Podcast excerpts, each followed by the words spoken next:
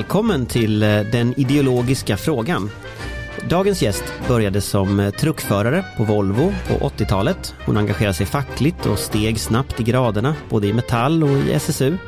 För en större publik blev hon snabbt känd som en uppkäftig kolumnist i Göteborgs-Posten och en frisk fläkt i ett, ett übergubbigt Göteborgs arbetarkommun. Hon har jobbat för LO, här på Aftonbladets ledarsida, för Mona Sahlin i regeringskansliet och sex år för Göteborgs starke man Göran Johansson i Stadshuset vid Gustav Adolfs torg. 2016 blev hon kommunstyrelsens ordförande men avgick efter valförlusten 2018 då S förlorat makten efter 24 år. Men hon fortsätter att vara en tongivande debattör om bland annat hedersvåld och socialdemokratins framtid. Välkommen till den ideologiska frågan, Ann-Sofie Hermansson. Tack!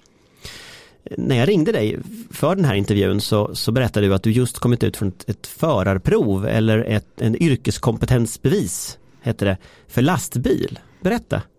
Ja, alltså det är ju så att jag söker ju jobb nu då eh, och jag har C-kort sedan, sedan tidigare, alltså tung lastbil.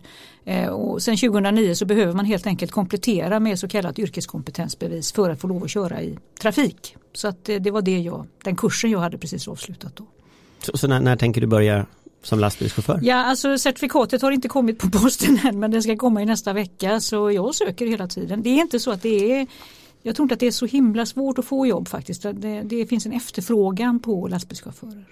Hur, hur många andra så här, toppolitiker som har avgått tror du går och tar lastbils eller tar yrkeskompetensbevis för lastbil eh, när de har avgått? Hur vanligt tror du det är? Ja, kanske inte jättevanligt men det beror ju på att de kanske inte har Antagligen att de inte kanske har något C-kort från början om man säger så och sen att de har gjort andra saker i sitt yrkesliv innan de hade de här politiska uppdragen. Så att det beror väl på lite vad man har jobbat med innan helt enkelt. Mm. Så, men ganska snart får vi se dig på vägarna i alla fall som lastbilschaufför. Förhoppningsvis ja. Eh, jag tänkte att, att, vi, vi kan väl börja direkt med Göteborgspolitiken. Den, den, den, eh, det har ju varit en, en följetong eh, senaste året, både kring valet, val, valförlusten som sossarna gjorde i Göteborg och sen kring den ganska infekterade strid som var i Socialdemokraterna eh, efteråt det. Och jag tror att egentligen ingen utanför Göteborg förstod någonting. Ingen i Göteborg heller. Vad va, var det som hände egentligen? Alltså eh, det, det, finns ju liksom säkert olika eh, förklaringar beroende på vem du frågar. Men om du frågar mig som du gör nu så tänker jag liksom att vi, hade, vi har i ett par mandatperioder tappat eh, alltså väljare om man säger så. Vi har ja, från när Göran Johansson var, var kommunstyrelsens ordförande, jag tror vi hade 36 procent eller någonting sånt där. Nu var vi nere på jag tror det sista valet innan nu så var vi nere på 22, någonting och nu backade vi ytterligare till 20,2 eller någonting sånt här. Vad vi gjorde var att vi hejdade ett, ett ganska våldsamt tapp, det ska vi ändå säga. Men det räckte inte och jag, min bild är faktiskt liksom att anledningen till att vi har tappat under ett par mandatperioder det är att vi har tappat lite av den socialdemokratiska själen, identiteten. Vi har blivit eh, för rödgröna. Alltså koalitioner med Vänsterpartiet och Miljöpartiet har gagnat oss i många år. Men det handlade också om att vi hade en tydlig socialdemokrati i den här koalitionen. Jag tror att vi har blivit lite mer eh, osynliga, uppblandade eller vad man ska säga. Och det var ju också min ambition att försöka återta den där profilen. Så att säga, liksom. nu, som sagt, vi hejdade tappet men inte tillräckligt. Så att ja, vi blev fortfarande största parti men eh, vi förlorade makten, som, precis som du säger. Vad, vad tror du, vad, vad, vad, menar du är skillnaden mellan det så här rödgröna gemensamma, eller rödgrön-rosa var det ju ja. i Göteborg, mm. även med, med Fi var ju med. Ja. Mm. Eh, och, och, och, det socialdemokratiska, vad, vad skilde där så att säga? Alltså skillnaden liksom när vi hade, när vi hade en stark socialdemokrati, när, många, när 36 procent av göteborgarna röstade på oss, det handlar ju om att vi, att vi var starka i oss själva. Man måste man måste ha självförtroende för att kunna ingå i en koalition. Så att säga, liksom. Och det, det hade vi också. Eh, Ja, av historisk och hävd höll jag på att säga. Eh, men problemet är att när man så tappar så pass mycket som vi gör och sen kanske liksom inte tydliggör vad är det som är socialdemokratiskt i detta och vad är det som är rödgrön-rosa. Så, så ser inte folk den skillnaden och det tror jag gjorde att vi tappade ytterligare under de här åren. Eh, min ambition var ju eh, att, att återta liksom det där självförtroendet och den där ident tydligare identiteten som, som socialdemokrat. Men ja, så som sagt var det är inte så lätt att hejda ett sånt tapp heller. Liksom, och det, det, vi har ett nytt politiskt landskap i Göteborg också. Det var inte bara det liksom att vi förlorade makten. Alltså vi, kom också, vi har ett uppstickarparti i Göteborg som heter Demokraterna som blir andra största parti efter valet. Det, spelar, det är en ny politisk spelplan. Man är tvungen att tänka nytt. Men, men om det var din ambition att göra det tydligt vad som var socialdemokrati, mm. Eh, så att säga, varför gick inte det? Jag tyckte ju, eftersom du frågar mig då, så tyckte jag att det gick ganska bra egentligen. Eh, kanske är det så att det stöter på en del patrull skulle jag säga i mitt parti men också hos naturligtvis V och MP. Eh, för det är klart att om, om, om, man får en socialdemokrati som inte viker ner sig för V och MP, jag ursäkta att jag uttrycker mig så, men om, man, om, om det är det som händer så är det klart då blir man ju arg. Man vill ju liksom att det ska vara mera smooth och mysigt liksom och att man kan göra upp och liksom så här. Ibland är man tvungen att fatta egna beslut för att tydliggöra sitt partis linje och då är inte det alltid samma sak som MP tycker eller V tycker. Det är en distinktion där och det mötte på ett motstånd skulle jag säga. Jag tror att göteborgarna gillar oss faktiskt. Mer än de politiska har, har partierna. Exempel på någon, har du ett exempel på någon sakfråga där det skilde sig just i, i det rödgröna? Eh, ja, kanske till exempel olika, alltså det går inte att komma ner i detaljer, ingen normal människa som begriper liksom Göteborgstrafiken höll jag på att säga. Men det finns situationer där vi, där vi kanske hade en annan syn på det här med mobilitet bilens eh, roll i, i Göteborgssamhället till exempel. Okej, okay, jag, är, jag, jag är Volvoit från början och jag har liksom en, en stark känsla för industrins betydelse. Eh, nu är eh, bilindustrin på väg att liksom utvecklas i en fantastisk riktning när det gäller klimatmässigt, elektrifieringen och alltihop det här. det tror jag liksom är, är viktigt för oss. Jag tror att vi i vissa sammanhang hade väldigt olika syn när det gäller till exempel MP på det här med bilen och på bilens roll i Göteborgssamhället. Om du tänker tillbaka på, på den här tiden, finns det någonting som du tänker att du kunde gjort annorlunda både för att vinna valet och för att hålla ihop liksom, den här koalitionen eller socialdemokratin. Allting, det kändes ju ett tag som att allting sprack liksom där. Mm. Finns det något annat, något du kunde gjort annorlunda? Så är det alltid, att man säkert kunde ha gjort någonting annorlunda. Men jag tror att grunddragen, jag bestämde mig ganska tidigt när jag blev gruppledare för S att Nej, här handlar det faktiskt om att profilera socialdemokratin igen. Eh, vi var på väg ner, vi hade en ganska, de interna siffrorna såg riktigt, riktigt dåliga ut. Så det handlar lite om att ge sig ut och prata med göteborgarna, att föra våran politik och det har jag verkligen eh, vinnlagt mig om. Det, det kanske blev eh, eh ja, vad ska man säga, man är inte så närvarande inne på sin arbetsplats då när man liksom behöver möta göteborgarna. Men samtidigt så tycker jag att det fanns liksom inget att välja på. Vi var på väg mot siffror som var helt uh, under isen om man säger så. Det, då är det bättre att liksom ta diskussionen på gator och torg och att prata för vårt parti, representera i de som faktiskt liksom, kanske ska rösta på oss sen. Så att ja, Nej, jag kan inte se, i det stora hela så är jag faktiskt, det kan låta lite självgott, men jag är inte missnöjd med det, de insatserna jag gjorde. Men jag tror att motståndet, det rörde upp känslorna det rörde upp gjorde att eh, det skapades liksom en, en motvåg eller vad man ska säga och den, ja, den, den drabbades ju jag av så att säga. Vi kommer tillbaka till lite den nationella betydelsen av detta sen. Jag tänkte vi ska ta ett par andra frågor som jag mm. tycker är intressanta. En, en, en, en, fråga där du har blivit väldigt profilerad är ju hedersvåld. Mm. Där du har varit en väldigt stark röst och du, du är bland annat eh, goodwill-ambassadör för föreningen Glöm aldrig Pela och Fadime. Mm. Alltså hur kom det sig att du engagerade just de frågorna? Alltså egentligen är ju frågan inte ny. Eh, jag blev varse det här utav en av mina närmsta vänner, Nalin, eh, dåvarande Pekul, eller dåvarande Bakshi men nuvarande Pekul, när jag bodde ihop med henne på, i mitten på 90-talet. det är ju så, sådana här erfarenheter har man ju inte själv. Det är liksom när, när vänner till mig berättar om, om de erfarenheter som finns i det svenska samhället av hedersvåld. Att människor har eh, blivit mördade och inte eh, vad heter det, rättsförda eller alltså inte förda till tinget för det. Liksom. Det, det var en nyhet för mig, jag förstod inte riktigt det. Eh, så jag har haft det här på näthinnan hela tiden. Sen är det ju så att när man väl är i Göteborg och i den positionen som jag befann mig i som, som kommunstyrelsens ordförande. Så, alltså, jag menar som sosse kan man inte ha lägre ambitionsnivå än ett jämlikt samhälle och det är liksom de klassiska skola, vård, omsorg, arbete och alltihopa det där.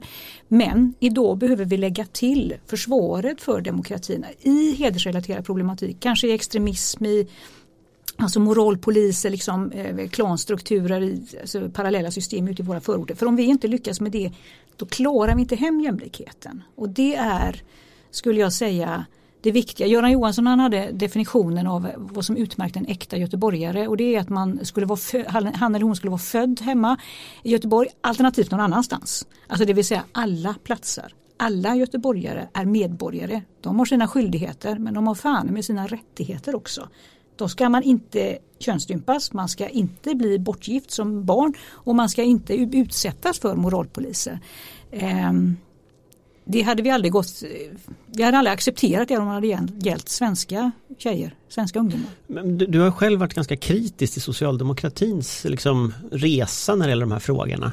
Eh, att man upptäckte det för sent och att man gjort för lite och så vidare. Du har återkommande kommit tillbaka till att, att, att det här är något man måste göra mer och vara mer aktiv i och sådär. Ja, jag tror att det grundar sig att vi i likhet med andra partier, det är inget särskilt med vårt parti faktiskt, tyvärr. Eh, de andra är ju lika ängsliga som, som, som vad vi har varit. Men jag tror att det handlar om att man har blivit lite rädd. Det ska gudarna veta, är man ute i de här frågorna så får man ganska fort lära sig att om man liksom tar upp det här så är det ganska snart till att man blir anklagad för att vara rasist eller islamofob. Och när det egentligen handlar om att det, alltså det är liksom de, de, de moderata, de normala muslimerna i vårt samhälle som blir utsatta för, för förtryck som de egentligen överhuvudtaget inte förtjänar. Det finns organisationer som gör sig till tolk och uttolkare för eh, de här extrema uppfattningarna. Det är ju inte normala muslimers uppfattning naturligtvis. Liksom. Det här är ju frågor som de inte heller tycker är bra. Men där det, de svenska myndigheterna inte riktigt har gått in och tryckt till för då har man blivit rädd för nej men är det här då en Alltså att man är rädd man ska kalla för att det skulle vara en rasistisk åtgärd. Det är det inte. Det här är frågor liksom som handlar om medborgarskapets rättigheter och de, de ska liksom de ska lagföras, de personer som utsätter människor för förtryck, de ska lagföras precis som alla andra. Men, men att, att socialdemokratin har, eh, tog så lång tid på sig att ändå börja göra politik av detta och se detta. Var, var, var ängsligheten kärnan i det eller var det någonting annat?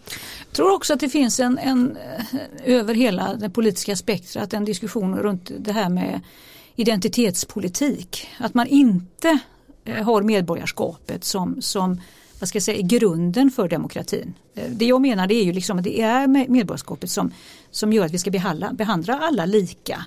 Om man, det är så att man helt plötsligt bara, nej men eh, om man är vit eller om man har eh, annan sexuell läggning eller om man har, du vet liksom alla de här religiösa grejerna. Så ska vi helt plötsligt börja ta hänsyn till det, alltså behandla folk olika.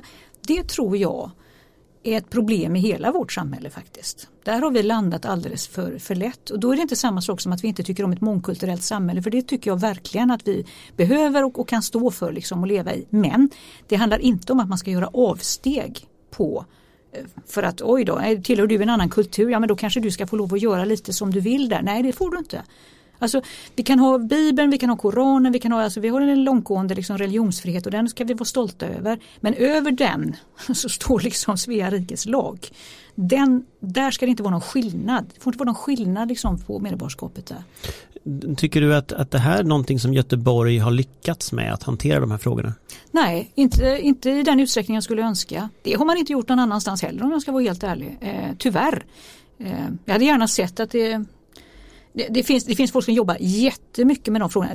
När du nämner Glöm aldrig Pelo och Fadime är ju en av de organisationerna. Varken Hora eller Kuvad jobbar också väldigt hårt och väldigt många andra. Och det finns inom myndigheterna och inom kommunsverige också individer och organisationer som jobbar kraftigt och jättebra med de här frågorna. Det är inte det jag säger. Men det har funnits en ja, jag, jag, kan inte kalla det för något annat än en, en ängslighet och då handlar det om att det är vi som förtroendevalda, ja tidigare förtroendevalda då, men att, om vi inte sätter ner foten, vad är det som gör att tjänstemän i så fall ska fatta beslut i ärendena? Det gör man inte, man lyssnar på på politiken och på de förtroendevalda. De signalerna som kommer därifrån, de tar man fasta på. Är det ängsligt i politiken, ja då blir det ängsligt hela vägen ner. Och hur tänker du att den nuvarande kommunledningen, nu, nu sitter ju Moderaterna och Socialdemokraterna har en ny ledning i stadshuset. Mm. Eh, alltså hur, hur, hur, tar de de här frågorna? Faktum är att det jag har sett, jag hänger ju inte med så himla bra liksom, om jag ska vara helt ärlig, men det jag har sett, Demokraterna eh, har ju satt sig före det här nya uppstickarpartiet att driva de här frågorna i väldigt stor utsträckning. Och där tror jag att man har ett ganska gott samarbete med socialdemokratin. Där vi faktiskt har ställt upp på olika ja, nya regler för hur vi ska ta tag i det här problemet inom Göteborgs kommun och det tycker jag det är båda gott, det är jättebra. Mm. Heder, liksom, det, det är så man ska jobba. Jag tänker gå, gå tillbaka till en annan, annan fråga som, som eh, är lite intressant här. Du, du har ju ändå en lite otypisk bakgrund som politiker kan man säga. Eh, du började som, som eh, på, på Volvo. Din, din pappa är lastbilsförare, precis som du själv då nu blir, eller är. Förhoppningsvis snart ja. Förhoppningsvis. Din mamma jobbar i hemtjänsten mm. och du, du började på universitetet som den första i din släkt någonsin. Kan du berätta lite om det? Ja, det var en kulturkrock utav rang. Alltså. Då, då klev jag i princip direkt inifrån tvåskiftet på Torslandaverken till eh, grundkurs A i sociologi. och det var, det var en fantastisk tid men den första terminen var lite av ett eldprov för det var alltså allt ifrån du vet det var det här med akademisk kvart. Man skulle man börjar klockan nio men egentligen börjar man inte för en kvart över och så var det obegripligt. Det fanns ingen logik. Det var inte precis som stämpelklocka om man säger så. Eh, vi hade långa seminarier som, som gick ut på, gick under rubriken Vad är arbete? I flera timmar satt vi där och pratade om det och jag tänkte fan det här var nog felvalt. Tänkte jag liksom, det här kanske inte, jag gör klart de här 20 poängerna och sen får jag gå och jobba igen. Liksom. Men det var ett gott försök. Men så läser vi eh, om, om Marx, eh, för då kommer Per Månsson och föreläser om sin Ja, han föreläser naturligtvis om den historiska materialismen och alltihop det här. Andra som Marx är mest känd för. Men han pratar också om Marx alienationsteori. Och då där klickar det till för mig liksom, för där är det erfarenheter som jag Fasen tänkte jag. Liksom. Det, alltså Marx, kort Marx alienationsteori handlar ju liksom om att först så är det, Marx menar att vi, det är genom arbete vi förmänskligar oss från början, konstnärligt skapande, alltså vi, vi blir till genom arbete. Sen skapar människan lönearbetet och då skiljer man sig, alienerar sig nästan ifrån sin, ja, sin mänsklighet eller vad man ska säga. Och med Marx ord så blir hon som ett djur när hon arbetar och som en människa på sin arbetsfria tid. Och hon längtar hela tiden till sin arbetsfria tid tvärt hur det borde ha varit då. Och så tänkte jag, det där känner jag igen. Det där är linen på Torslandaverken. När man hela tiden går och tittar på klockan. Har det gått fem minuter? När är det helg? När är det semester? Så att man längtar bort. Även om ja, jobbet kanske inte var det värsta i världen så var det ändå ett, ett, ett sånt. Så jag kände, fan här har jag erfarenheter som mina klasskamrater kanske saknade. Men jag behöver skaffa mig ett språk på det här. Mm. Och jag blev kvar. Det, jag skulle säga att det är den enskilda anledningen till att jag fortsatte och läste ihop till en filkand efter det.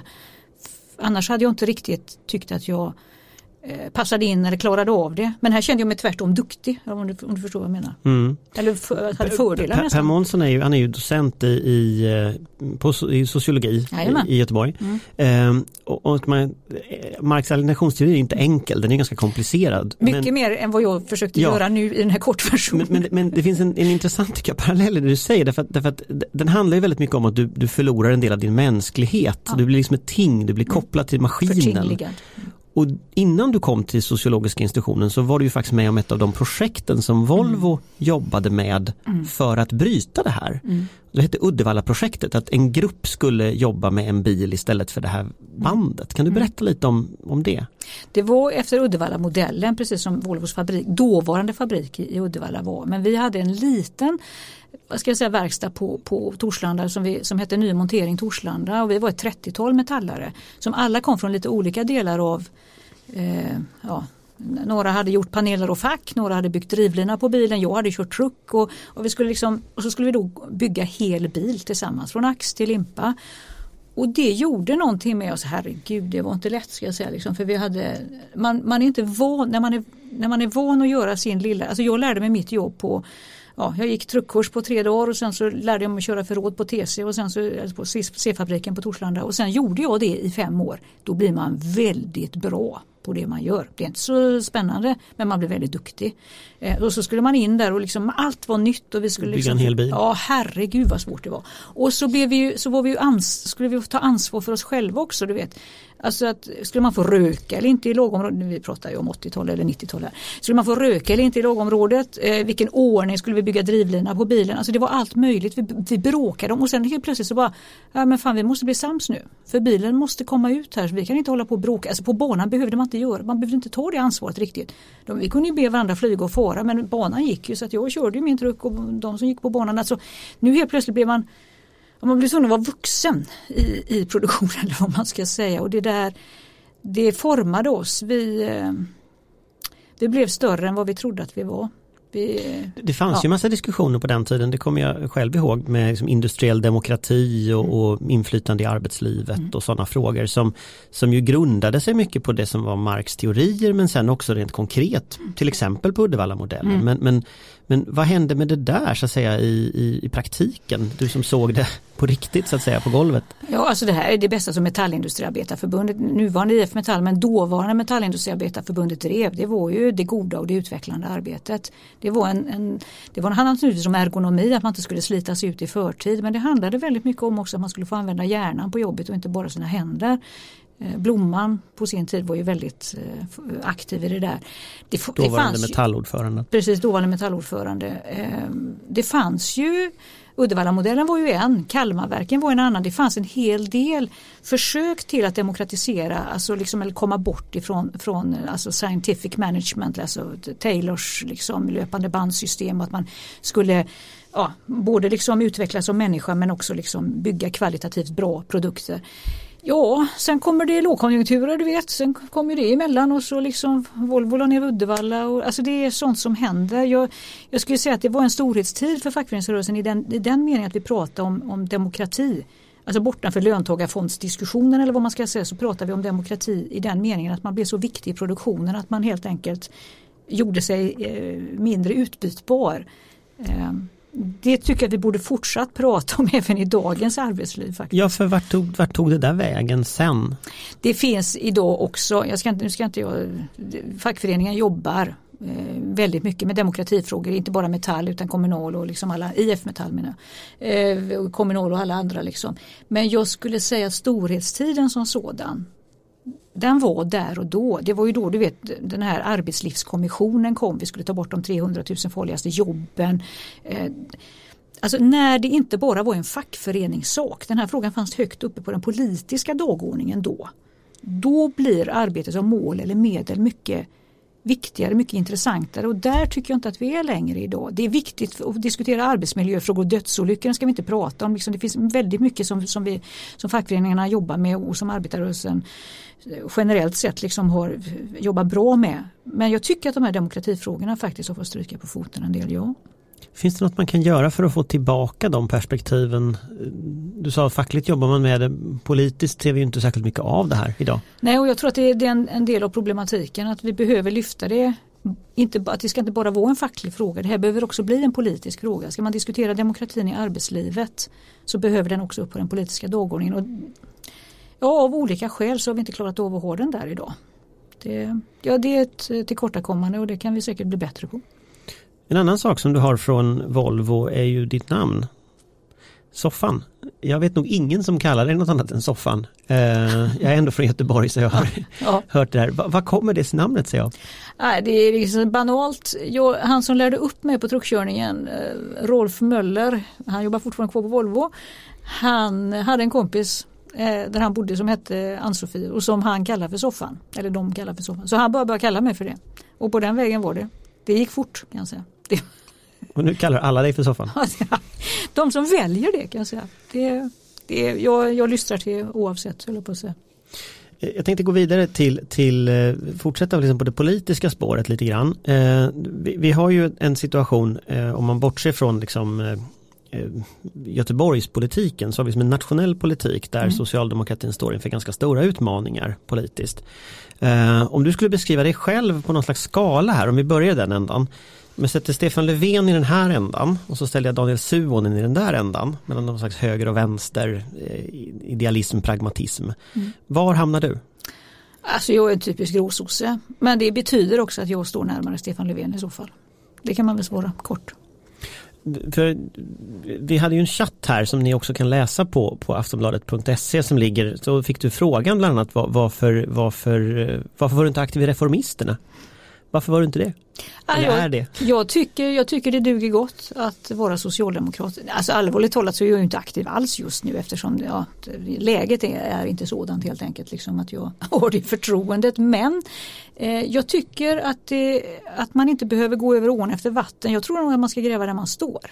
Alltså jag tror att vi kan göra väldigt mycket åt vårt parti när det gäller ideologiskt, reformpolitiskt, alltså vad är det vi ska driva för frågor och hur, hur kan vi bli duktigare på de här demokratifrågorna som vi varit inne på runt heders, problematik och extremism och sådana saker. Jag tyck, för mig behövs inte en extra organisation till det. Helt enkelt. Men det, därmed sagt så är det ju inget fel i att ha reformisterna. Alltså det, det, det gör ingenting att man, är, att man tycker lite olika och att man har flera uppfattningar.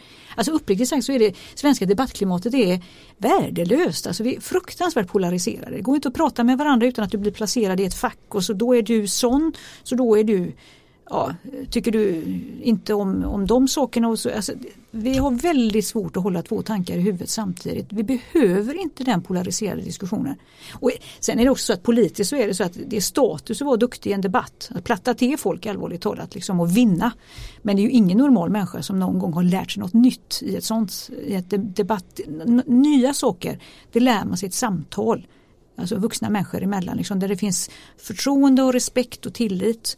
Eh, och det kanske har saknat oss ibland. Jag, jag, jag, tror att den här polariseringen är farlig faktiskt. Jag, jag, tänker på att, att du, du, en av de sakerna som Göteborg är kända för är ju att man inte har varit så polariserad mellan olika mm. delar av Göteborg, det här som mm. kallas Göteborgsandan. Mm. Kan du berätta lite om den? Ja, det handlade ju helt enkelt om att man försökte se till, till göteborgarnas bästa och, och, kanske blev det inte alltid så ideologiskt då, nej.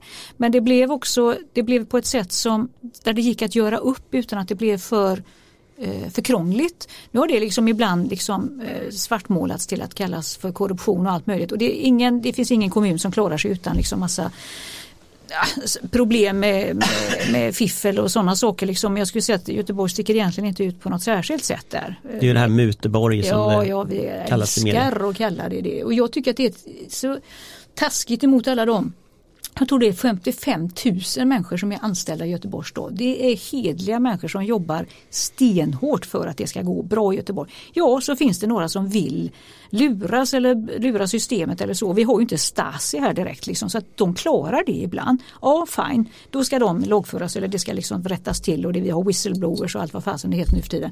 Men det stora grunddraget är inte att folk fuskar och gör fel. Det, det, det vänder jag mig bestämt emot faktiskt. Jag gillar Göteborgsandan. Jag gillar idén att man kan göra upp och att det inte är så himla krångligt alltihopa. Att man kan prata med näringslivet som kanske kan, kan ge ett handtag ibland liksom när man behöver det. Och att man, att man kan det, göra finns, upp. det finns en sån här fantastisk interiör när, när Volvos VD Martin Lundstedt fyllde 50 för, förra året var det va, tror jag.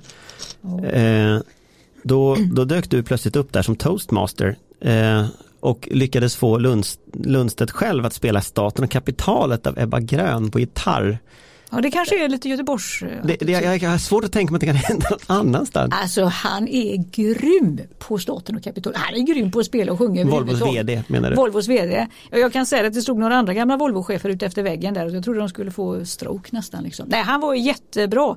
Jag sa det till hans eh, fantastiska hustru att det var fan vad duktig han är på att spela och sjunga Martin. Ja fan, så hon, jag, jag tänkte att jag gifte mig med en rocker men sen gick han och blev Volvo-chef istället. Så, och det är faktiskt ganska kul. Nej det var, det var häftigt roligt. Det var jätteroligt. Och det är lite coolt att Martin ställer frågan, inte bara till kommunstyrelsens ordförande utan till en sosse, att man kan göra sådana liksom, connections. Och det, det behöver inte vara så krångligt, det kan liksom bara vara en kul grej. Det var kul också faktiskt. Ja det blir intressant också för ett politiskt klimat som ändå liksom där, social, där staten och kapitalet går hand i mm. hand. Mm. Eh, jag tänker att kan inte det också vara en förklaring till varför det gick fel sen med, med liksom utvecklingssatsningar och Västlänken och, och allting. Att, att eh, det, det, blev en annan stad för människor. Om man läser tidningarna från, från de här åren så finns det mycket kritik om Manhattan vid Göta älv och, och mm. att man har förändrat stan mm. snabbare än människorna. Eh, ligger det något i den kritiken? Jag tycker att det, det faller tillbaka på oss förtroendevalda politiker. Vi har varit för dåliga på att ta den diskussionen. Vilken sorts stad ska Göteborg vara?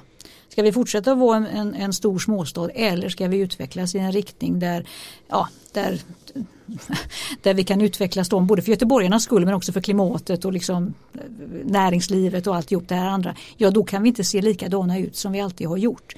Där har vi inte klarat av att föra den diskussionen på ett jag skulle säga respekt, jag är tillbaka till det där med samtalet. Jag är övertygad om att eh, man kan ta alla, alla möjliga svåra krångliga diskussioner med människor. Västlänken eller eh, Men varför gjorde man inte det då? Därför att jag tror att det blev eh, lite Jag vet inte, vi orkar väl inte riktigt det. Alltså vi blev för nervösa av det och så var vi så himla inställda på liksom att nej men det här är ju bra. Alltså, jag, alltså när jag hade mina öppna luncher nere i Haga som jag försökte liksom ha varje fredag och träffa. Alltså då var ju alla välkomna. Det kom ju alltid typ ett par Västlänken-motståndare varje gång. Typ. Och så kom och det lite andra för folk. att förklara, för det här tror jag inte folk vet om. Men du hade, Menar som, du? du hade ju som princip att du satt en gång i veckan i Haga Mm. och alla göteborgare kunde komma dit och prata med dig. Ja, typ inte alls inte så ambitiöst Nej, utan men liksom var- en timme, var- en timme. ja, Ja, så satt vi och. Och då är det så att oavsett hur oense du är med en annan människa hur, mycket, hur illa du än tycker om socialdemokrater eller Västlänken. Efter 45 minuter om du har suttit ner och pratat, kanske ätit något, tagit en kopp kaffe så kan du inte vara hur förbannad som helst. Men ännu viktigare är att jag som den som på något sätt tar emot de medborgarna lyssnar. Man behöver inte bara förklara så Förlåt att jag dunkar i bordet. Man behöver inte förklara så himla eh, fort. Man kan lyssna en stund och så kommer ofta själva alltså hjärtefrågorna fram. Vad är det som gör att jag tycker att det här är så viktigt för mig? Det brukar alltid sluta med att man skiljs åt efter en 45 minuter, en timme och då har man fortfarande inte lyckats övertyga varandra. Men, men man har lyssnat på varandra med respekt och tillit och det, det tror jag det är lika viktigt och det tror jag att vi tappade bort en del när vi skulle förklara vad är det som gör att Göteborg behöver växa på det här sättet som, som vi nu ser framför oss. Liksom. För, för, det, för, det, för mitt intryck när jag är i Göteborg numera, eh, ändå där ganska ofta, eh, det är ju att allting är uppgrävt. Mm. Det går ju inte att göra någonting, det går inte att åka någonstans, det går ju inte att göra någonting. För allting, det är alltid någon som gräver upp någonting. eh, Eller så går något sönder. Mm. Liksom så. Så, och, så jag kan ju någonstans förstå att människor är väldigt arga. Mm. Så att säga. Varför tog man inte lite längre tid på sig för att göra detta? Vi har tagit gör lång tid på oss. Det är bara det att just nu händer alltihopa samtidigt. Det är både bostadsbyggnationen som, som har taktat upp ordentligt i den som, som man behöver bygga. För vi har ju byggt alldeles för lite på, på tok för länge. Vi har en extrem bostadsbrist, inte bara i Göteborg men vi har det där också. Och så kommer hela västsvenska paketet med alla liksom, infrastruktursatsningar. Det är inte bara tågtunnlar, det är kollektivtrafik. Det är ett gäng skyskrapor planerade på Hisingen. allt möjligt kommer samtidigt. Först händer ingenting och sen kommer allt samtidigt. Så jag fattar att folk känner sig frustrerade. Samtidigt, alltså det här är en del av det som är det fantastiska med stan. Det är att bo i en utvecklad utvecklingsregion. Då, då, då kommer det inte att vara tyst och mysigt liksom, utan det kommer att vara fortsatt eh, satsningar, utveckling och så. Och lite av det måste man liksom eh, ta med hela paketet. Men jag att säga. tänker utifrån det du sa förut om demokrati och förankring Mm. och socialdemokratins rötter och så. Eh, om människor inte ville detta, eller väldigt många människor inte kände att de var med på tåget, har inte socialdemokratin gått vilse då i det? Jag tror att vi har varit för dåliga, ja. Men jag tror egentligen liksom inte att det är fel på, men ibland måste man ju tycka någonting också. Man kan ju inte bara liksom sticka upp handen, eh, fingret i luften, vad är opinionen nu då? Så tycker man så. Man måste ha egna uppfattningar. Och jag tror att det här är görbra för Göteborg. Jag tror att det här kommer att bli hur bra som helst. Och framförallt kanske inte för oss just här och nu utan för våra barn och barnbarn kommer det här att vara otroligt viktigt.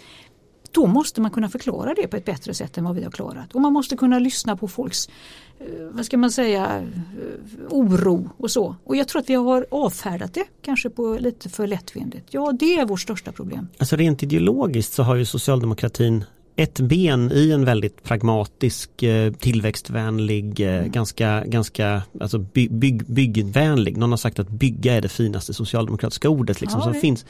Det är en socialdemokrati. Sen har ju socialdemokratin ett annat ben i liksom ändå alltså människors vardag. Där människor med vanliga problem upplever att det här inte funkar. Och ofta krockar det här ju. Miljöfrågor är ett exempel där det krockar. Kärnkraftsomröstningen på, på 80 var ju ett exempel där det här kraschade och det startade ett miljöparti istället. Idag är ju den progressiva rörelsen i Göteborg helt spräckt. Har man tagit i för hårt med det här, liksom, det här på något sätt pragmatiska, byggvänliga tillväxtidealet? Eller finns det något sätt att samla den här vänstern i Göteborg, eller den progressiva Göteborg igen? Det är möjligt att det finns. Eh, samtidigt så vet jag ju också att liksom det finns väldigt olika uppfattningar om hur man ska bedriva en, en, eh, en så kallad vänsterpolitik. Och det som Vänsterpartiet idag står för i Göteborg det är liksom inte min sorts eh, alltså, utveckling liksom av jämlikhetsfrågorna. Jag har andra lösningar, delvis andra. Jag känner många progressiva reforminriktade vänsterpartister, det är inte det. Men vi har haft olika uppfattningar i stan, ja.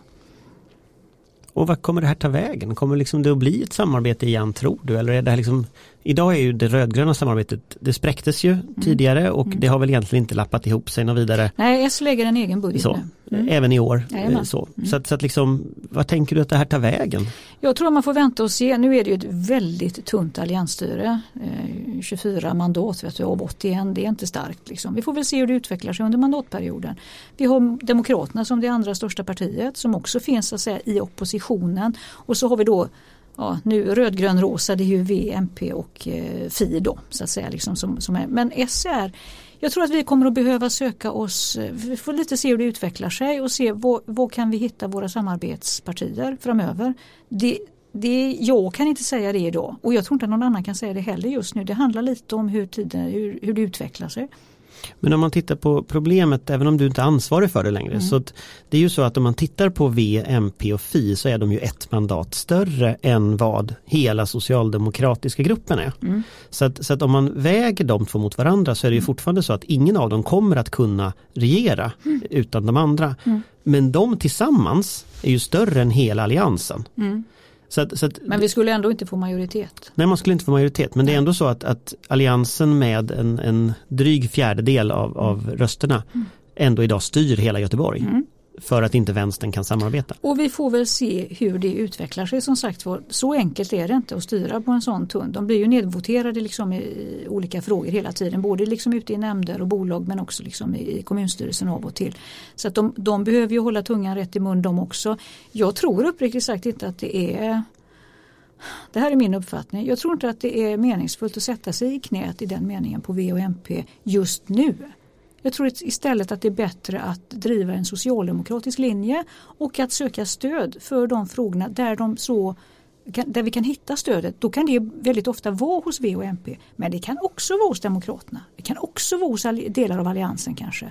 Alltså vi behöver, liksom, vi behöver hitta en ny plattform eller en ny linje men ja, tiden får utvisa hur det här ska utvecklas helt enkelt. Tror du samma sak i grunden gäller för Stefan Löfven eller gäller det andra principer på riksnivå? Nej, det är ganska likt skulle jag säga. Ja, men i någon mening har ju Stefan lyckats. Alltså att, att eh, slå sönder alliansen, eh, det, det förtjänar respekt. Eh, jag tror att det var bra. Jag tror att det gjorde att Sverige liksom kunde fortsatt ha en position som, ja, som ett handlingskraftigt och alltså för, för vårat perspektiv då ett socialdemokratiskt inriktat eller i alla fall med regeringen så att säga Eh, jag tror inte att det gör någonting att man tittar liksom på det lite runt om i landet heller. faktiskt. Så du tror att det kommer att kunna, att någon slags blocköverskridande samarbete? Jag tror att blockpolitiken är dålig för oss, ja. Generellt sett så tror jag den är dålig för, eller den har, den har kanske spelat en roll men jag tror inte att den är ja, så lyckad idag för vårt samhälle. Jag tror att den, den polariseringen som har, det har fört med sig har inte, varit, har inte gagnat, om man säger så, eh, demokratin och, och utvecklingen överhuvudtaget. Hur mycket tror du av socialdemokratiska ideal kan man sälja ut så att säga för att få ett blocköverskridande samarbete? Idag får ju Stefan Löfven mycket kritik om LAS, om hyresreglering, om man satsar inte på kommunerna och så vidare. Alltså det har jag stor respekt för och det är inte lätt heller. Liksom. Någonstans går ju naturligtvis gränsen. När är det bättre att ställa sig i opposition då? Eh, men jag är, jag är inte människa att svara på var den gränsen går. Men man ska inte tro heller liksom att det är så lätt som vissa säger att det är bara att man omedelbart ska så fort det är någonting som går en emot. Det vet alla som har förhandlat. Du går aldrig ur en förhandling och är riktigt nöjd. Du måste alltid kunna, kunna göra avkall på några saker. så att Du måste alltid på något sätt värdera din motståndare Eh, din förhandlingspart. Du måste kunna ge och ta. Och sen någonstans så får man ju befinna sig i det. Man får avgöra var går gränsen då för när, när det blir för kostsamt helt enkelt. Och jag, ja, än så länge är det inte så kostsamt. Jag, jag tycker Stefan gjorde ett bra val där faktiskt. Jag tänkte gå vidare till en, en, annan fråga som är lite närmare hem. Eh, som handlar lite om organiserad brottslighet och, och den utveckling som har varit. Jag växte ju själv upp i Göteborg. Mm. Eh, jag minns ju en stad där det fanns organiserad brottslighet. Eh, mm. Så det är inte något nytt fenomen. Det var Gamlestans MC som sen blev Hells Angels. Det var olika så här namn, ligorna hade namn från olika etniska grupper. Det fanns liksom en, en lång rad saker som alla visste om att det här fanns. Men men idag när man är där och hör om skjutningar med automatvapen, eh, handgranater, sprängningar så upplever i alla fall jag att det är någonting helt annat det är en annan organiserad brottslighet, det är en annan brutalitet som finns. Och, och för mig så, jag fastnade väldigt mycket efter det här eh, det här fruktansvärda dådet som var 2017 när, när någon kastade in en handgranat i en lägenhet i Biskopsgården och en, en liten pojke som var åtta år som heter Yusuf mm. dog av den här handgranaten. Ett, ett, ett väldigt ett extrem situation som, som uppstod. Mm. Hur tänker du om den här utvecklingen som har skett? Det var den värsta jävla dag på jobbet jag hade tror jag under de tre åren. Det var när den åttaåringen strök med. Jag menar ingen människa förtjänar naturligtvis att dö eller liksom straffas eller på det här viset. Men en ung pojk, han har verkligen inte gjort sig förtjänt av det där. Det var Tired of ads barging into your favorite news podcasts? Good news. Ad-free listening is available on Amazon Music. For all the music plus top podcasts included with your Prime membership. Stay up to date on everything newsworthy by downloading the Amazon Music app for free or go to amazon.com slash news ad free. That's amazon.com slash news ad free to catch up on the latest episodes without the ads. Nej, det var förfärligt och det är förfärligt och det är mycket värre än vad det har varit. Eh, det är det. Såväl Stockholm, Göteborg som Malmö, ja vi, vi är väl ungefär lika höll jag på att säga. Liksom, där utvecklingen har varit, den är alarmerande. Och saker och ting hänger också ihop. Alltså i och med att det det här som polisen kallar för särskilt utsatta områden liksom där man kanske har en i viss mån en lägre tilltro till, eh, till eh, myndigheter och till alltså räddningspersonal och allt möjligt. Eh, det påverkar naturligtvis situationen om det är så att man blir, blir så rädd så att man inte vågar vittna till exempel. Ja, då är vi lite på det sluttande planet. Liksom. Då, har vi en, då är det maffia det handlar om. Nu är det inte så att det här är det är inte kört. Alltså det är viktigt att säga det. Liksom. det här, vi har allvarliga problem och det gäller liksom allt ifrån narkotikaförsäljning till, till vapen och till trafficking och till allt möjligt. Men det är inte så att det här är kört. Alltså om vi sätter in resurserna, polisens insatser kombinerat för, för, med de samhälleliga så går det att göra någonting, det går att vända detta. Ja, för, för jag tänker så här att sossarna har styrt Göteborg i 24 år. Mm. Eh, innan dess så är det ju Socialdemokraterna som har byggt de här områdena, mm. alltså Biskopsgården, eh, de nordöstra förorterna, mm alltså dagens hissingen och så vidare. Mm. Det är ju socialdemokratins, eh, det är ju folkhemmet som byggdes i de här bostadsområdena där det här nu händer. Mm. Eh, alltså vad är det som har gått fel egentligen? Där man kan vara mest självkritisk tycker jag eh, det är väl kanske liksom bostadspolitiken där vi först hade tomma lägenheter och där det kommer flyktingar eller ja, kriget på Balkan är väl ett exempel. Liksom, de blev i och för sig väldigt bra integrerade liksom så småningom. Men vad vi gjorde var okej, okay, tomma lägenheter i Hjällbo, bra vi knör in allihopa där så att de får någonstans att bo. Och det är ju naturligtvis viktigt att människor liksom får tak över huvudet men kanske skulle vi varit lite mer Alltså ja, inte satt alla på samma ställe. Alltså ibland är det viktigt att man helt enkelt liksom placerar att man gör man blandar mer helt enkelt. Liksom, det är inte bra att det blir etnifierat som man säger så. Inte för, för de som kommer hit och inte för svenskarna och inte för, eller jag, liksom för, för göteborgarna i allmänhet. Där tycker jag att vi har skäl att vara självkritiska. Sen har det hänt någonting de här senaste, allra senaste fem åren. Det är både så liksom att extremism har börjat frodas på ett annat sätt eh, men det är också så att eh, hur ska man säga, liksom, alltså den här grova organiserade brottsligheten den har ju Alltså det finns en motor i den och det är narkotikan. Mm. Eh, om det bara vore så att det var i missbruksledet, det är ju illa nog naturligtvis att folk missbrukar narkotika. Om det bara vore i missbruksledet det köptes narkotika då skulle det inte bli så jädra stort problem allvarligt talat. Problemet är att, väldigt många andra köper narkotika. Alltså det här är partydroger idag, liksom kokain och alla möjliga olika saker. Det är sånt som, hur ska man säga, medelklassen går och köper för att parta till det på helgen. Vi har, vi har tyvärr tagit oss över en gräns där det liksom är lite accepterat och då, då kan man ju liksom naturligtvis tänka Men sig. Men är det så? Ja, så är det. Frågar du polisen så skulle du liksom få höra vilka det är som shoppar liksom för kokain är inte gratis ska jag säga. Det är liksom sånt som man måste ha pengar för att, för att ta reda på. GP gjorde faktiskt, en, Göteborgsposten gjorde en jättebra undersökning av det där. De frågade några som hade köpt. De var anonyma då naturligtvis. Nej, men jag tycker att det här är mitt eget ställningstagande. Jag trillar inte dit och jobbar. Och det vet heller ingen vem som trillar dit. Det kan vem som helst göra. Vi, vi trillar dit på sprit och vi trillar dit på narkotika. Det vet man inte från början. Men bortsett ifrån det, även om du inte gör det. Vad du gör när du köper narkotika det är att du göder själva motorn i den organiserade brottsligheten. Det är de unga pojkarna ute i Biskopsgården och Bergsjön som springer sina första ärenden med vapen och med narkotika. Det är de som fångas upp i svansen på de kriminella gängen. Det är det man gör. Det var en kvinna som blev intervjuad och sa, nej men jag står för det här. Jag, jag, ja, men har du tänkt på att du liksom bidrar till den kriminella brottsligheten i Göteborg? frågade reporten. Och så var hon tyst en väldigt lång stund och så svarade hon, om du vill att jag skulle få dåligt samvete så har jag det nu, sa hon. Bra, tänkte jag. För det här är omoraliskt. Man ska fan inte köpa narkotika. Ingen ska göra det, även om man har råd. Så ska man men inte men det. det, är ju, det är ju en del av det. En annan del är ju samhällets reaktioner Mm. när brottsligheten ökar på det här sättet. Och, och vad jag upplever när jag pratar med folk i Göteborg idag så är man ju det är ju uppenbart att detta har blivit en del av vardagen. Att man läser i tidningen om att det har skett skjutningar och att det har skett sprängningar och, och att det är ingenting man ens höjer på ögonbrynet över längre.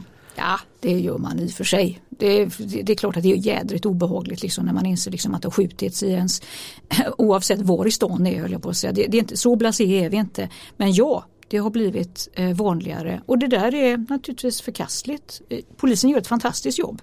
Eh, men jag tror att de långsiktiga insatserna det är typ som Gårdstensbostäder, ett bostadsbolag i Göteborg. I 20 års tid har man jobbat på att sätta människor i, i arbete inom den egna eh, bost- alltså området, att man har jobbat tajt med polisen, med socialen, med allihopa och att man helt enkelt har nu har, alldeles nu har polisen tagit bort eh, Gårdsten som ett särskilt utsatt område. Alltså det är bättre nu idag. Men det, vi snackar om ett jobb som tar 20 år.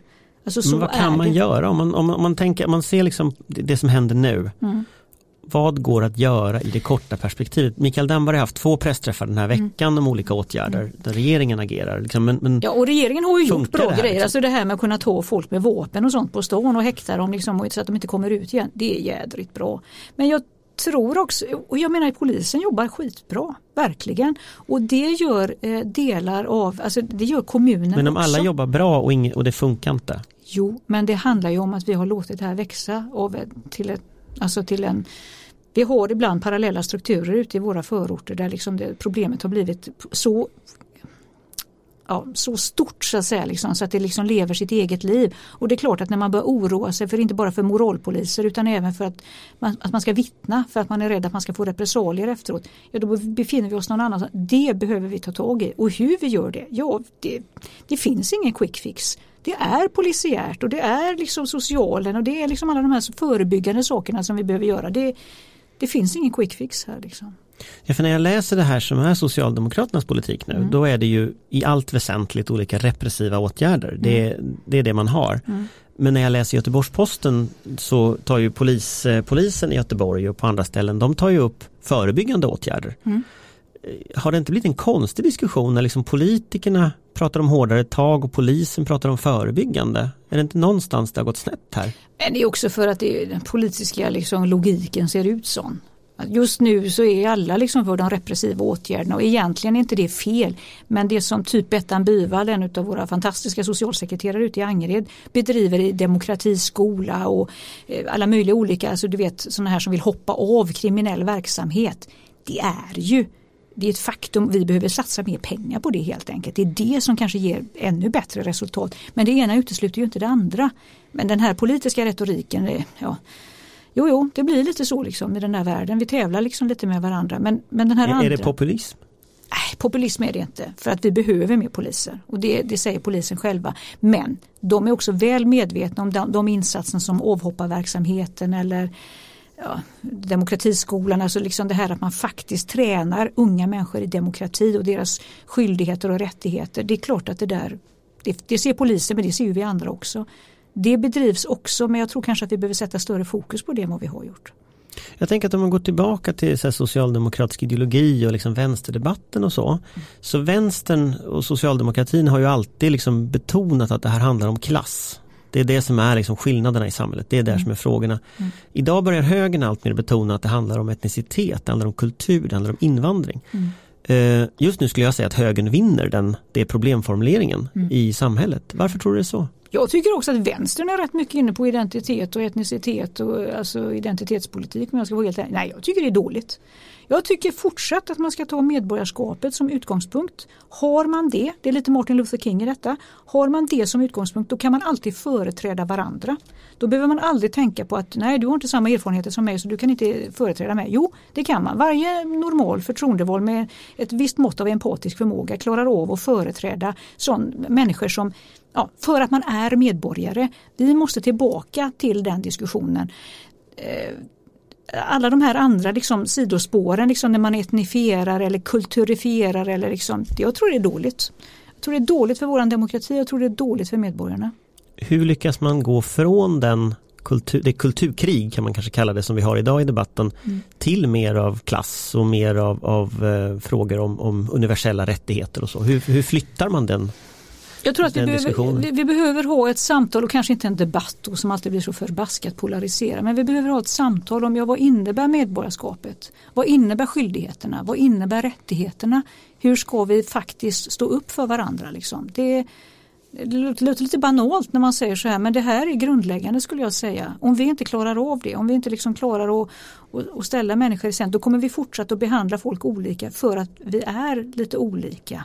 Och det ska man liksom, jag menar det mångkulturella är en, en viktig beståndsdel i vårt moderna samhälle. Men det är inte samma sak som att man ska börja ja, behandla folk olika. Inför lagen är vi alla lika och, och medborgarskapets betydelse är fortsatt liksom det viktigaste skulle jag säga. Jag tänker på, på det har kommit några mätningar eh, senaste dagarna här bara som, som har handlat om att Sverigedemokraterna nu är lika stora som Socialdemokraterna. Och, mm det har vi sett förut men just, det kom ju en, en sammanställning som SIFO gjorde i eh, Expressen eh, för någon dag sedan. Där man pekade på att man var lika stor nu, mm. eh, S och SD, inom LO. Mm. Och speciellt så pekade man på att LO-kvinnorna mm. idag gick från Socialdemokraterna till, till SD. Mm. Vad tror du det beror på? Jag har naturligtvis inte någon hel sanning runt det där, det har väl ingen normal människa men men jag tror faktiskt att en del av socialdemokratins ängslighet runt frågor när det gäller till exempel hedersrelaterad problematik, extremism eller liksom parallella strukturer ute i våra eh, förorter eller så.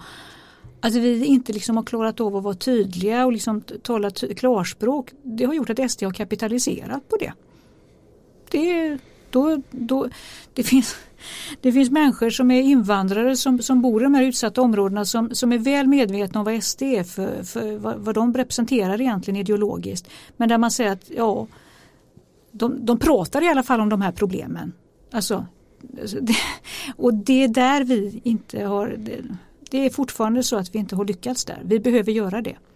Vi behöver, ha, vi borde, vi borde lyfta upp problemen som de ser ut för de enskilda människorna och sen behöver vi också, vad ska vi i så fall göra åt det? För det är naturligtvis så att ett socialdemokratiskt svar där skiljer sig väldigt mycket från Sverigedemokraterna. Vad är ett socialdemokratiskt svar? Ja, det är att stå upp för de här demokratiska rättigheterna. Inte göra skillnad. Bara för att du kanske kommer från ett annat land, en annan kultur, en annan, ja inte fasen vet jag. Du, ska, du är medborgare i Göteborg. Då ska du eh, ha lika, vi ska stå upp för dig. Vi ska inte gifta bort dig och vi ska inte könsstympa dig och du ska få gå klädd precis hur du vill. Även om det är någon som alltså dig eller någonting sånt där. Då ska, då ska samhället, Göteborgssamhället ska säga till. Polisen, så vi ska inte liksom bara glida på det där och säga liksom att eh, ja men då kanske du har din egen kultur här så då kanske ni ska få göra lite som ni vill. Nej det får ni inte. Men om man tittar på liksom den debatten vi har kring, kring SD, kring eh, S, kring januariavtalet och allting. Mm. Alltså kan människor idag se skillnad på Socialdemokraterna och den här socialliberala mitten på något sätt? Eller har liksom socialdemokratin flutit ihop med Centern och Liberalerna och liksom någon slags mitten? Eh, vad är som ser människor skillnader där längre? Jag tror att det kanske är lite som i Göteborg att man när man på något sätt tvingas in, eller där man har olika koalitioner, olika samarbeten som sagt var som har gagnat oss väldigt väl. I Göteborg har det rödgröna laget liksom varit väldigt framgångsrikt under väldigt många år. Eh, men det är klart att om det är så att man inte ser någon tydlighet, om man inte ser en tydlig socialdemokratisk identitet, vad är det som är socialdemokratiskt i detta då? Typ Göteborg men också liksom kanske på den nationella nivån då. Vad är skillnaden? Ja då börjar ju folk vackla naturligtvis. Alltså ibland hör man ju liksom folk som säger ja men vi tror på socialdemokratin men gör, gör sossarna det själva. Alltså det, man måste på något sätt kunna ha lite ut, självförtroende. Om du skulle skriva ut ett recept för liksom Stefan Löfven och liksom ledningen för Socialdemokraterna. Vad skulle de göra för att hitta det där ja, synligheten? Tydligheten. Det är lite förmätet att skriva ut ett recept skulle jag säga som enskild person till ett helt parti. Skriv en insändare men, då. Men, precis. men jag tycker att vi kan bli tydligare till exempel i de här demokratifrågorna. Jag tycker att det handlar i väldigt stor utsträckning om eh, att vi behöver ta de eh, frågorna på allvar. Att vi behöver göra upp med det identitetspolitiska som vi har hållit på alldeles på tok för mycket med. Och att vi behöver sätta medborgarskapet i centrum. Där tycker jag faktiskt att vi kan ha en egen, en egen hållning. Mm. Jag tänkte eh, ta en sista fråga till dig. Eh, om du skulle få önska en politisk comeback hur skulle den se ut? Vad skulle du vilja spela för roll i fortsättningen? Det var, det var en svår fråga. Det är ju så med förtroende i ett parti att antingen har man det eller så har man det inte. Det är ofta först när frågan kommer som man liksom, jaha, tycker ni att jag skulle passa bra till det eller göra en bra insats där? Det är först då man kanske blir intresserad. Det, det är svårt att säga i förväg faktiskt. Nej, jag kan inte riktigt svara på frågan. Vill, vill, du tillbaka till hetluften? Det beror på vad det skulle handla om. Det beror på frågan faktiskt. Alltså, jag har faktiskt inget eh, önskemål. utan jag, det var fantastiska tre år att vara gruppledare för S i Göteborg. Det är det mest, jag tror det mest lärorika jag någonsin har gjort. Eh, och faktiskt också som har gett fantastiskt mycket tillbaka. Inte minst alltså det bästa med Göteborg det är göteborgarna. Liksom. Den alltså kärleken och uppskattningen som man fortfarande möter på stan. Det är fortfarande så det är klart att all, alla sådana alla sådana jobb där man liksom faktiskt får möta liksom människor och liksom prata med dem och se vad det är de vill och liksom mötas både av kritik men också liksom av respekt. Det är roligt. Sådana jobb är roliga men jag har faktiskt inget önskejobb på det viset. Och jag, som läget är just nu så tror jag liksom inte att det kanske dyker upp något heller. Liksom. Det är, vi får ta ett vanligt jobb. Får, ja, men det är inte det sämsta. Nej det är det inte. Eh, tack så jättemycket för att du kom hit. Tack. Tack för idag. Hej då. Hej då.